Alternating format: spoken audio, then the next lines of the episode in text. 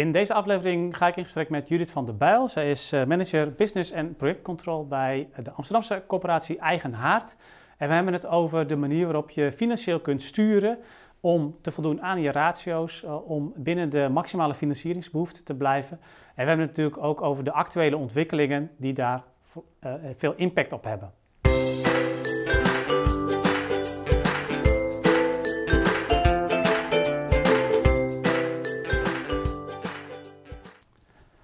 Ja, Judith, uh, welkom. Uh, fijn dat je ook uh, ja, jullie inzichten van de afgelopen periode wilt, delen wat dit betreft. Um, jullie komen eigenlijk uit een situatie waarin jullie um, stuurden op de maximale loan to value. En waarin jullie een, een, eigenlijk een soort van gereedschapskist hadden gebouwd. Waarin je, um, wat denk ik nog steeds voor veel corporaties ook een relevant, relevante manier van sturen is. We gaan straks he hebben over hoe jullie uh, dat achter je hebben gelaten en dan weer de volgende stap zijn, hebben gemaakt. Maar uh, ja, die gereedschapskist om binnen de maximale ruimte van de LTV te blijven, daar ben ik toch nog wel benieuwd naar. Uh, hoe, hoe, hadden jullie dat eigenlijk tot voor kort ingericht? Bedankt voor de, voor de uitnodiging. Leuk om, om, om ook iets te, iets te kunnen vertellen. Wat wij gedaan hadden binnen Eigen Haard is dat wij gekeken hadden naar de ontwikkeling van de loan to value. En steeds bedacht hadden dat wij optimaal willen inzetten om onze volkshuisvestelijke doelstellingen te behalen. En ook gecontroleerd binnen de vastgestelde norm van de loan to value wilden blijven. Dus daarvoor keken wij elk jaar heel uitgebreid naar van nou, welke risico's lopen we nu precies en hoe kunnen wij uh, op tijd remmen uh, op het moment dat wij de maximale loan to value gaan, uh, gaan benaderen. Ja, en, en kun je wat voorbeelden noemen die zoal in die gereedschapskist staan? Want jullie keken dan bijvoorbeeld naar verkoop, onderhoud, naar, naar nieuwbouw. Ja, nou, we, we, keken, we hadden eigenlijk in kaart gebracht dus op welke kaststroom je zou kunnen remmen. Dus dat zou je kunnen doen op nieuwbouw. Maar je wilt gecontroleerd remmen. Dus je wilt niet ineens vol op de rem gaan staan en al je nieuwbouwprojecten afkappen. Dus wat je wilt is dat je, dat je waardoor je dus weet dat je niet direct tot stilstand komt met nieuwbouw, want je hebt een aantal lopende projecten. Maar dat je eigenlijk uh, uh, zeg maar ge gecontroleerd tot stilstand wil komen. Dus wij zeiden, ja, je kunt wel remmen op nieuwbouw, maar voordat dat eff echt effectief wordt, ben je echt wel twee, twee anderhalf tot twee jaar verder. Ja, dus, omdat je aan allerlei verplichtingen uh, vastzit. Ja, je hebt gewoon lopende verplichtingen. Je hebt al projecten die lopen, dus die wil je gewoon netjes afmaken. En dan wil je op de rem gaan staan of dan wil je gaan bijsturen. Hetzelfde geldt natuurlijk voor renovatie. Maar daarvan zeiden wij eigenlijk, ja, die doorlooptijd van die projecten is doorgaans wat korter. Dus die, dat, die maatregel is misschien wel nou, in, een, in een jaar effectief. En vervolgens hadden we gezegd, ja, je kunt natuurlijk alle minuut gaan verkopen. Je kunt je streefhuren verhogen. Misschien volkshuisvestelijk niet wenselijk. Maar op het moment dat je moet bijsturen, zou dat een optie kunnen zijn. Je zou bijvoorbeeld twee jaar of een jaar of anderhalf jaar je onder, een deel van je onderhoud kunnen uitstellen. Ook niet wenselijk in het kader van de kwaliteit van je bezit, maar dat kan wel. En zo kun je dus heel snel bijsturen op een aantal elementen. En wat natuurlijk ook kan, ja, verkopen. Ja, en, en, en wat levert dat op? Want um, uh, ik kan me voorstellen dat je daardoor, ook als je wat, uh, wat doorrekeningen over langere periode uh, ziet, dat je niet meteen in paniek raakt als er dus in jaar 8 of 9 of 10 een keer een minnetje staat, omdat je weet dat je nog voor die tijd ook zou kunnen bijsturen. Ja, dat klopt. We hebben ook jarenlang, ook in het kader van de politieke discussie over de verhuurderheffing, uh, in de tweede beleidsperiode, dat wij door de maximale grens van de loan to value gingen. Om ook aan te tonen aan de buitenwereld van nou joh, uh, wij gaan, uh, wij hebben onze ambitie, maar ook onze opgave is zodanig groot dat dat gaat gebeuren. En dit jaar, voor 2023, voor de komende meerjarenbegroting, hebben we eigenlijk met elkaar afgesproken. Nu willen wij gewoon een meerjarenbegroting neerleggen die de komende tien jaar binnen de grens van de toezichthouder blijft. Dus ook daarin hebben we een omslag uh, gemaakt of een, zijn, we, zijn we een beetje opgeschoven. Ja, want in eerste instantie hebben jullie eigenlijk een begroting gemaakt die ja, niet kon in de zin van, uh, ja, uh, dat je niet aan de ratios voldeed, in ieder geval op langere termijn uh, niet.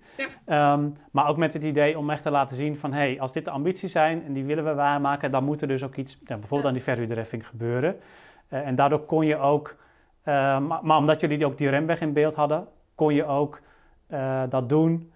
Um, want stel nu dat de verhuurderheffing niet was afgeschaft, dan, dan had je nog kunnen bijsturen wat dat betreft. Ook. Zeker.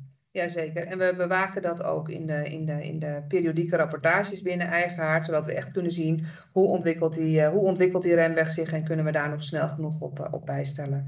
Dus dit jaar, omdat we nu in ons, ook in ons ontwikkelprogramma, ons nieuwbouwprogramma, echt, een, zeg maar echt op stoom komen, was het voor ons ook belangrijk. Ja, we moeten nu geen verplichtingen aangaan die we op een later moment niet meer kunnen waarmaken. Dus ook daar zie je dat het, dat het naarmate het moment dat je moet gaan bijsturen dichterbij komt, dat je er ook dichterop gaat zitten. Ja.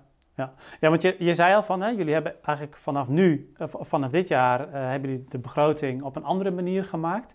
Kun je toelichten waarom jullie um, ja, zijn geswitcht eigenlijk van die, van die methode? Nou, we hebben natuurlijk de begroting nog niet gemaakt. Daar zijn we nu volop mee bezig. Maar we zijn vooral bezig geweest om te kijken waaraan de begroting zou moeten voldoen. En wat dus de, uh, de mogelijkheden zijn binnen uh, de financiële ontwikkeling voor investeringen. Dus daar zijn we heel druk mee geweest. Maar wij zagen dus met de afschaffing van de verhuurderheffing dat de beleidswaarde van ons bezit zodanig ging, uh, ging toenemen. Dat niet langer de loan-to-value beperkend was voor onze voor onze investeringsambities, maar de wet of de maximale grens van geborgd leenplafond van de 3,5 miljard.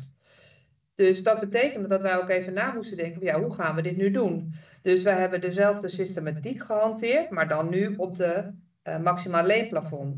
Dus wij zijn eigenlijk heel erg overgestapt naar niet meer zozeer kijken naar onrendabele toppen, maar meer naar financieringsbehoeften. Hoe groot is de financieringsbehoefte van onze exploitatie van ons bezit, maar ook van de nieuwbouw en van de renovatie en van de verduurzaming. Ja, en maakt dat ook dat je eigenlijk nu hebt gezegd van nou dan gaan we ook voor de komende tien jaar uh, ook dat, uh, ja, zorgen dat we ook daar binnen blijven. Uh, ook natuurlijk omdat de verhuurderheffing is afgeschaft, denk ik. Is, is, dat, is dat ook met name dan doorslaggevend daarvoor, omdat je nu niet meer um, nou ja, in beeld hoeft te brengen dat, je, dat je wellicht nog grotere ambities zou kunnen waarmaken als de, als de eh, financiële ruimte er maar zou zijn? Nee, we houden ons nu aan de, zeg maar, dus we hebben nu gezegd we willen een begroting die de komende tien jaar past binnen de grenzen van de toezichthouder. Maar zijn natuurlijk ook wel in gesprek om te kijken of die grens misschien, hè, aan het onderzoeken of die grens opgerekt kan worden of niet, of wat dan de alternatieven zijn. Maar we zijn dus heel erg gaan kijken van nou, wat kunnen wij nu binnen de resterend bedrag wat we kunnen lenen, wat willen we daar dan voor doen?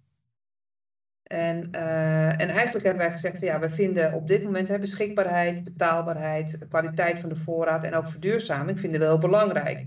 Dus ja, je wilt niet de benen stil gaan houden. Dus eigenlijk hebben wij gezegd van ja, we willen eigenlijk in een soort moment kromme, wij noemen dat dan de asymptoot binnen eigen haard, willen we naar ons maximale leenplafond. Dus op dit moment vol inzetten. En naarmate we dichter naar die grens toe komen, dat onze financieringsbehoefte dan gaat afbuigen. Ja, en en, en hoe is dat? Uh, want uh, nou, we hadden in het voorgesprek ook al even over duurzaam bedrijfsmodel. Um, ja.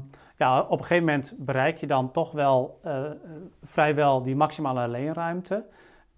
En dan? Want dan zijn er ongetwijfeld nog steeds opgaven die ook om financiering vragen. Nou ja, zeker. Dus we hebben heel erg gekeken naar van nou, wat, we hebben we hebben daar, uh, wat we gedaan hebben, is dat we naar onze bestaande risicorapportages zijn gaan kijken, die onze afdeling Risk and Audit altijd oplevert aan de organisatie en die ook gedeeld wordt met de Raad van Commissarissen. En gekeken welke risico's staan daar nu in. En vervolgens hebben we gekeken welke risico's hebben nou te maken met je ambitie. En welke risico's zijn niet door ons beheersbaar en komen van buiten. En met name de risico's die van buiten komen, die zijn we helemaal uit gaan werken. En die hebben we ook uh, gekwantificeerd. En we hebben daar ook een, een verschijningskans, hè, dus een, een, kans aan toegekend. En op basis daarvan hebben we gekeken van oké, als we dus nu uh, een soort remweg, of, en wij noemen dat dan nu de risicobuffer, een risicobuffer willen aanhouden op ons maximaal leenplafond, hoe groot moet die buffer dan zijn? Maar ook in de wetenschap, dat hoe groter je die buffer maakt, dat de omvang van je resterende opgave alleen maar groter wordt. Dus voor de resterende opgave hebben we geen buffer aangehouden. Want dat is een, rekensom waar je niet uitkomt. Hoe groot die resterende opgave is, hoe groot je buffer zou moeten zijn, hoe minder je kunt doen. Nou, en omgekeerd. Dus dat, dat gaat niet goed. Dus we zijn dat helemaal in kaart gaan brengen en hebben toen gezegd: van, ja, hoe groot moet onze risicobuffer dan zijn? En we hebben die risicobuffer eigenlijk in drie onderdelen verdeeld. Nou, de resterende opgave heb ik al wat over gezegd. De tweede onderdeel is eigenlijk de onbekende risico's. Dus dat zijn de risico's waar je nu nog niet op kunt anticiperen. En dan moet je bijvoorbeeld denken, dus als je mij gevraagd had, bijvoorbeeld 10 jaar geleden of 15 jaar geleden, was asbest zo'n onbekend risico geweest. Of meer recent, de lode leidingen. Dat is een risico die je niet in het vizier hebt, waar je er nooit over nagedacht hebt, maar waar je opeens mee geconfronteerd wordt. Ja. En je weet dat er altijd dat soort dingen komen, maar je weet nooit van tevoren wat natuurlijk. Uh, nou ja, precies. Dus daar hebben we een vast bedrag voor gereserveerd. En vervolgens zijn we de risico's die we wel in het vizier hebben, waarvan we denken dat zou zich de komende jaren wel eens voor kunnen doen, die hebben we uh, in kaart gebracht, ge, gekwantificeerd en een risicopercentage uh, uh, overheen gegooid. En vervolgens hebben we gekeken, we hebben een aantal scenario's gedraaid en gezegd, als een aantal van die risico's, risico's zich nu voordoet, is die buffer dan voldoende. Ja, en, en, en wat, zijn, eh, wat zijn bijvoorbeeld eh, risico's die daar grote impact op hebben? Uh, nou, bijvoorbeeld versnellen van de verduurzamingsopgave. Of een, uh, een, een bouwkostenstijging boven wat je hebt ingerekend in je in je, we hebben een doorrekening gemaakt en dan ga je bijvoorbeeld uit van de eerste jaren van 8 en dan 6 en dan 4 en dan weer naar 2,5%. Maar stel je nu voor dat je aan het einde van je, zeg maar dus in jaar 2030 zit en je komt tegen die grens van dat, van die, dat die interne norm dus voor het geborgd leenplafond en dan opeens stijgen de prijzen met 10%. Dus zo'nzelfde situatie als die we dit jaar hebben. En dat hebben we uitgerekend. Van hoeveel geld heb je dan nodig? Hoeveel financieringsruimte is het bij Eigenaard dan steeds? Hoeveel financieringsruimte heb je nodig om dat op te vangen? Ja, want die wordt natuurlijk wel steeds knellender. Op dit moment kun je dat nog wel opvangen door extra te lenen, zo'n zo'n kostenstijging als je, dat, ja. uh, als je dat wil. Maar ja, op het moment dat je al bijna aan die grens zit, dan wordt het natuurlijk een stuk lastiger. Ja, dan wil je daar niet voor lenen of dan, wil, kun je daar niet meer voor lenen. En, uh, dus, dus dat hebben we inge, ingerekend. En uiteindelijk kwamen wij eruit dat wij graag een, een risicobuffer willen aanhouden van 400 miljoen. En dat betekent, als je naar het maximale leenplafond kijkt, dan heb je natuurlijk toch de obligo-lening die je moet reserveren. Dus dat is op zijn maximaal al iets meer dan 90 miljoen. Dus al met al richten wij ons nu op een interne norm voor het financieringsplafond, het geborgd financieringsplafond van 3 miljard. Dus onze nieuwe meerjarenbegroting moet dus de komende 10 jaar binnen de grens van de 3 miljard blijven. Ja, ja. En nou ja, had wel even over het duurzaam bedrijfsmodel. Uh, eerder ook met uh, Vidomus ook in deze serie een interview over uh, gedaan. Um, ik ben wel benieuwd hoe, hoe, hoe jij daarnaar kijkt. Want um, aan de ene kant kun je zeggen van ja, hè, op het moment dat je, dat je heel veel geld leent en je komt op een gegeven moment tot die grens, ja, wat dan daarna? Hè? Wat, kun je dan je, je taken eigenlijk nog wel goed doen als corporatie? Um, of, of, is dit echt een eenmalig iets wat we nu moeten investeren en wat, uh, ja, waarbij je eigenlijk over nou ja, na 2030 weer langzaam terugkeert naar lagere, meer duurzaam handelbare, ook voor corporaties, uh, investeringsvolumes? Ja, kijk, dat, dat, dat weet ik niet zo goed. als ik in de toekomst kon kijken, dan, dan, zou, ik dat zeker, dan zou ik dat zeker doen. Maar nou ja, dat, dat, dat zit er niet, er niet echt in. Maar waar wij wel mee bezig zijn, is dat wij zeggen: ja, wil je als corporatie je continuïteit garanderen op de lange termijn, dan zul je ervoor moeten zorgen dat je bestaande voorraad uit je operationele kaststroom in stand gehouden kan worden. Dus daar zijn wij wel mee bezig. En dat betekent ook dat wij een soort wens hebben om vanaf 2026 voor onze bestaande voorraad kaststroomneutraal te zijn. En dat betekent dat wij dan dus niet meer willen lenen voor onze bestaande voorraad. Nou, het feit dat de verhuurderheffing is afgeschaft, doet daar heel veel goed aan, maar we zijn er nog niet. Mm -hmm.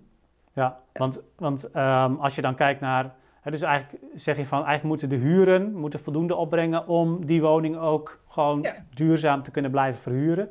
Daar moet geen geld bij hoeven. En nee. um, ja, in, in hoeverre kan dat? Hè? Ook, ook met de opgave die er is om, uh, om vanuit het huurbeleid, uh, het land, de landelijke prestatieafspraken die erover zijn gemaakt, huren omlaag, uh, er komt nog wat aan verduurzaming aan. Um, zijn dat, zie je dat dan als een extra investering of, of moet dat allemaal binnen die kaststroom gerealiseerd worden?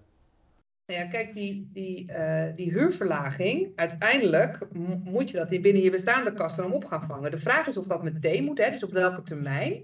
Maar als je dus kijkt naar de toekomstvisie, dan moet je dat binnen je operationele kaststroom opvangen. En je kunt natuurlijk nu ook de vraag stellen, hè, want dat is ook een discussie die binnen eigen haard gaande is, van moet je nou, je duurzaamheid, moet dat nou binnen die ja, bestaande voorraad worden opgelost? Hè? Vind je dat dat uit je operationele kaststroom gefinancierd moet worden? Hè? Dus dat je zegt, nou, die woningen moeten functioneel uh, in stand gehouden worden. Dat betekent ook dat je ze aanpast aan de eisen van deze tijd, waaronder duurzaamheid.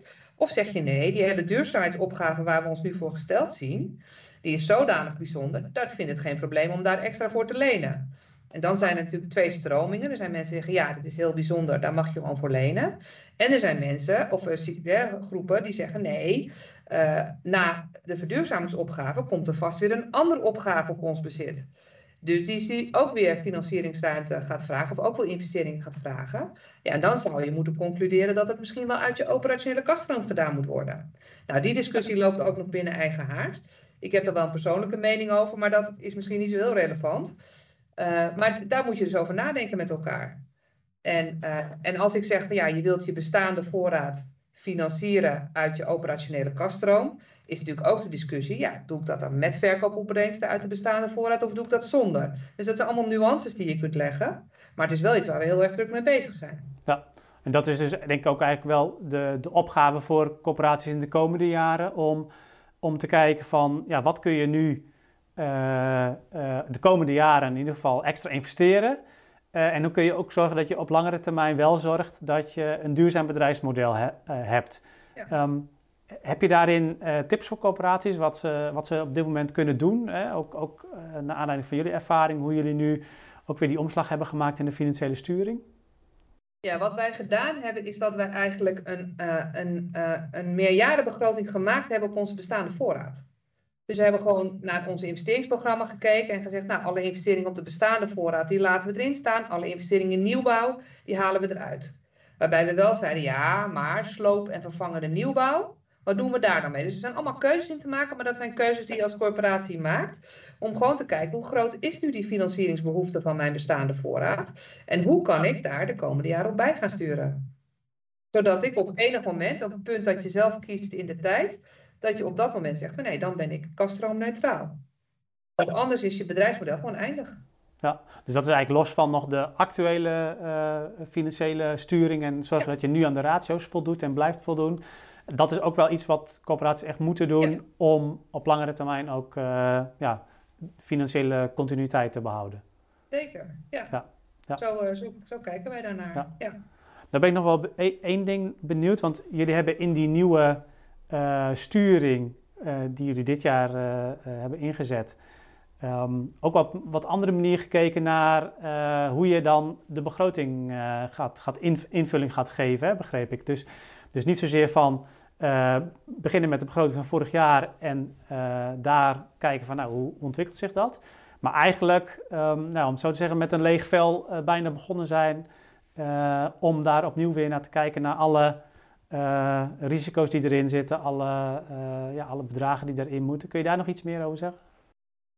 Jazeker, wij zagen vooral dit jaar dat wij, uh, toen we die discussie begonnen, dat we zeiden, ja, de wereld is wel zodanig veranderd, dat het oppakken van de miljardenbegroting uit het voorgaande jaar en dan de marktwaardevuur staat uit de jaarrekening en de parameters aanpassen, dat we daar eigenlijk niet meer mee wegkwamen omdat we, we geconfronteerd werden met enorme bouwkostenstijgingen, net als alle corporaties, en nou ja, een gematigd huurbeleid en een inflatie boven je, je, je, de, boven je huurverhogingen.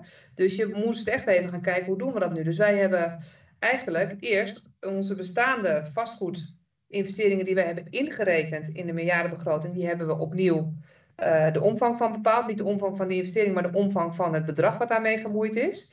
We hebben de verhuurderheffing uit het systeem gehaald, uit, de, uit de, uh, het scenario gehaald. Om gewoon eens te kijken van hoe komen we dan uit hoeveel ruimte is er dan nog over om te investeren boven datgene wat we hadden ingerekend in de miljardenbegroting. Dus we hebben eigenlijk een soort met tussenstap gemaakt. We hebben een soort met basisscenario gemaakt of een nulscenario. Zodat je, hè, want wat Eigenaar doet is wij maken altijd een financiële uitgangspunten en daarin geven we aan hoeveel geld er beschikbaar is om te investeren. En daar wilden we deze update wel in meenemen. Want je wil natuurlijk wel kunnen aangeven, ja, al die investeringen die je nu hebt ingerekend, ja, die gaan misschien toch wel 10 of 15% meer kosten. En dat heeft deze consequentie voor het budget wat er daarna nog rest om te investeren. Ja, ja dus dat is ook wel, um, ook wel denk ik een tip aan andere corporaties om echt even heel goed te kijken naar hoe bouw je nu de begroting opnieuw weer op, uh, gezien het feit dat er zoveel uh, veranderingen zijn ten opzichte van de voorgaande jaren.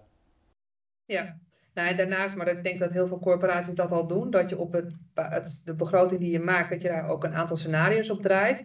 Ik kan me zomaar voorstellen dat het draaien van die scenario's de komende begrotingsronde een veel zwaardere nadruk zal krijgen. Want je kunt zoveel variaties bedenken op wat er, wat er gaat gebeuren.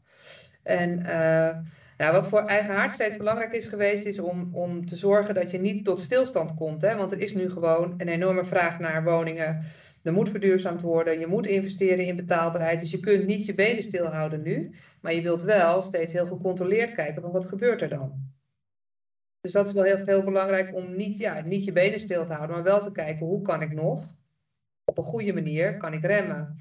En uh, ja. Dus, dus echt wel uh, ja, blijven investeren, uh, goed kijken hoe je met alle onzekerheden die er zijn, dus ook, ja, ook veel denk ik scenario's en veel naar risico's kijken, hoe je binnen de ratio's blijft en, en tegelijkertijd ook kijken hoe je op lange termijn duurzaam je bedrijfsvoering kunt, kunt blijven doen. Um, Zeker. Ik denk dat dat een hele mooie, mooie puzzel is. Is er, is er nog een laatste ding wat je coöperatie daarin wilt meegeven? Nou ja, wat ik ze vooral wil meegeven is dat als je gaat kijken naar scenario's, dat je ook naar scenario's gaat kijken waarin meerdere risico's zich tegelijkertijd voordoet, doen. En of je dan nog voldoende buffers, voldoende leningruimte hebt om die op te vangen. Want uiteindelijk is het zo dat je gecontroleerd wilt bijsturen en niet opeens op de noodrem wil trappen. Dus je moet echt zorgen dat je uh, nou ja, een betrouwbare partner blijft aan de gemeente, naar je stakeholders, naar je huurders. Maar dat je wel ook zorgt dat het, het grote financiële plaatje uh, blijft voldoen. Dus uh, dat, ja. Okay, dank, dankjewel daarvoor. Uh, ik denk dat dat uh, ja, heel mooi huiswerk is, ook voor alle corporaties. Dus ja, blijf investeren, zorg dat je betrouwbaar bent, zorg dat je op tijd ook kan bijsturen, mocht dat nodig zijn. Dus zorg dat je, voor, dat je die scenario's ook in beeld hebt.